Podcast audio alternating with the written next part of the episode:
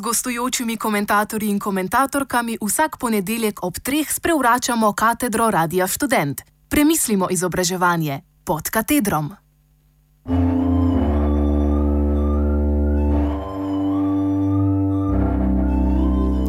Več javnega denarja v zasebne osnovnošolske muske.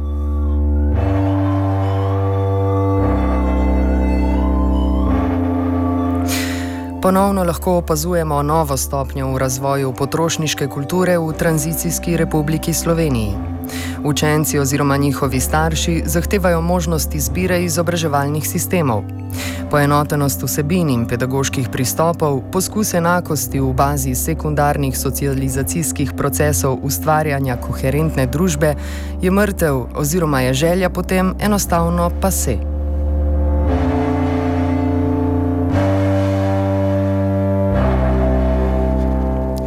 Jasno je, da politična klima v državi in tako imenovani zeitgeist v družbi legitimirata to vrstno odločitev ustavnega sodišča, ki je pretekli teden razveljavilo določbo zakona o organizaciji in financiranju vzgoje in izobraževanja.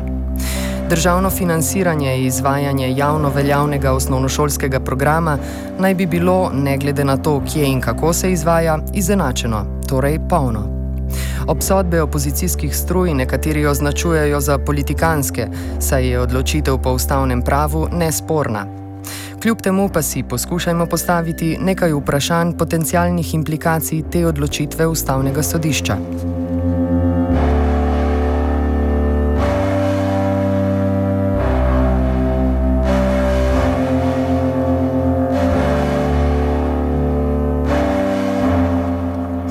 Ker so odredbe ustavnega sodišča praktično obvezujoče za državni zbor, špekulacij o razrešitvi te zgodbe praktično ni. Spremembo zakona bodo pridobile polno financiranje trenutno obstoječe zasebne šole. To so dve hčerinski družbi Katoliške cerkve in nekaj manjših enot antropozovske struje. Vsi seveda ukrep pozdravljajo v altruističnem duhu, kot dobrega za starše njihovim učencem. Ne pozabimo, da s tem tudi institucijam samim država omogoča lažji obstanek na trgu. Njihov produkt za nekaj časa postane nekoliko dostopnejši za potencijalne potrošnike in tako privlačnejši. Z uspešnim marketinškim sloganom, kvalitetnejši od javnih šol, pridobivajo na popularnosti in povpraševanju, kar potencialno lahko vodi v ustanovitev novih enot. Ne pozabimo, da je šola vedno bila orodje za širitev dok doktrine nosilcev moči. S povečanim povpraševanjem, širjenjem svoje dejavnosti in regulacijami na trgu pa lahko cena teh vedno upravičeno zraste, saj lahko kot pravni subjekti sami postavljajo ceno svojih storitev. To je v tem primeru cene tako imenovanega nadstandarda.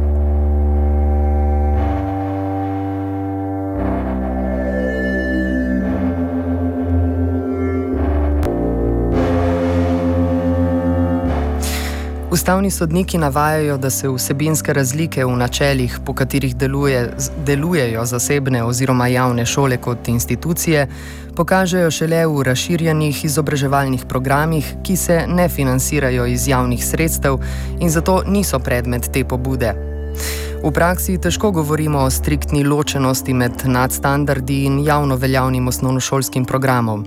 Dobro vemo, da je vsebina že na javnih šolah polna tako imenovanega striktnega kurikuluma, ki reproducira družbene odnose moči. Neutralnost ali objektivnost sta torej pridevnika daleč od možnega realnega. Kako lahko torej na zasebnih osnovnih šolah, kjer velja institucionalna zapoved v versko ali filozofsko ločino, kakorkoli govorimo o neodvisni izvedbi javno priznanega programa? Seveda je tudi na javnih šolah interpretacija ali izbira poudarkov vsebin, naprimer pri zgodovini, slovenščini ali etiki, stvar posameznega pedagoga. V primeru institucionalne zapovedi v to ali ono smer se torej zgolj izognemo špekulaciji o tem, kakšna je ta interpretacija. Birokratsko-papirološka izpolnjena odličnost pedagoških procesov pa bo zagotovo zadostni dokaz o neoporečnosti izvedbe državnega kurikuluma.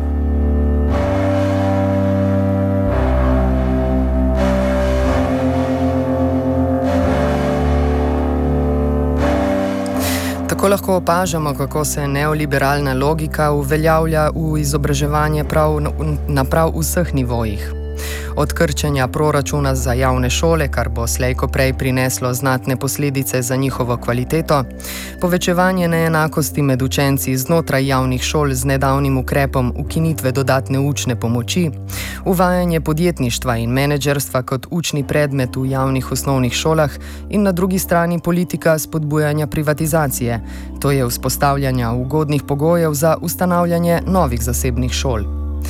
Tehnica konkurenčnosti med javnimi in zasebnimi osnovnimi šolami se bo zagotovo prevesila na stran slednjih, vsaj za višji in srednji razred prebivalstva. Razkroj družbe se tako sistematično udejanja s transformacijami izobraževalnega sistema v samem počelu družbe, v osnovni šoli. S tem lahko seveda opozujemo spremembo politične agende od ideoloških nazorov v kapital. Naj še omenimo, da je naša država z odločitvijo ustavnega sodišča ena redkih v Evropi, ki ima v ustavi urejeno in predpisano financiranje zasebnega šolstva.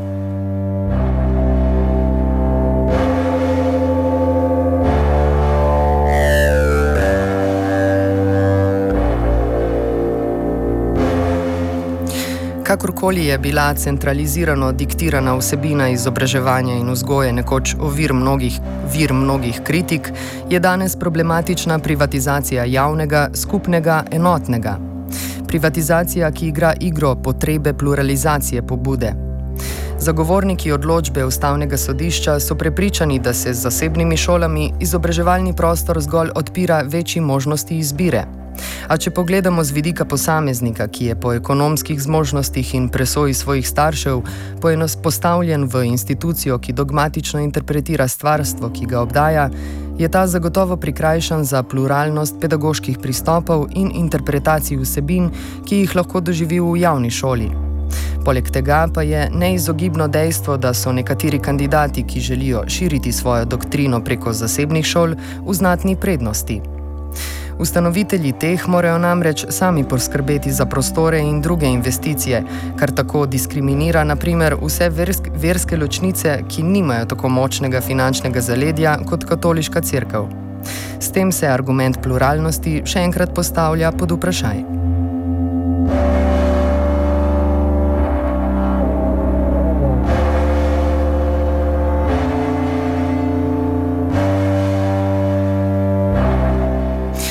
Trenuten vpliv zvišanja odstotka sofinanciranja zasebnim šolam je za državni proračun minimalen.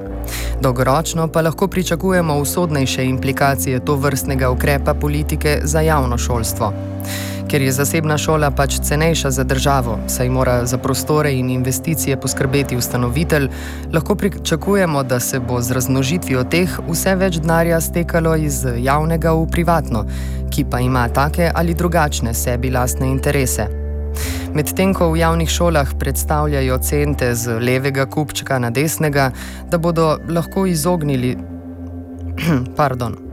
Medtem ko v javnih šolah predstavljajo cente z levega kupčka na desnega, da bodo lahko izpolnili vse zakonodajne določbe, so zasebne šole deležne dodatnih olajšav oziroma ne mara teže pripravljajo pobudo za poenotenje subvencijskih možnosti za prostorske kapacitete.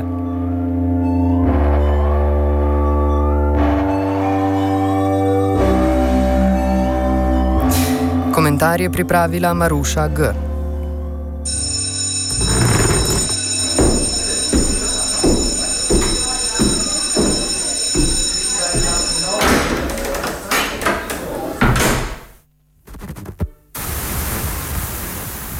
Branko Potočan, Hrastnik. Radio študent do Hrastnika sploh ne njese.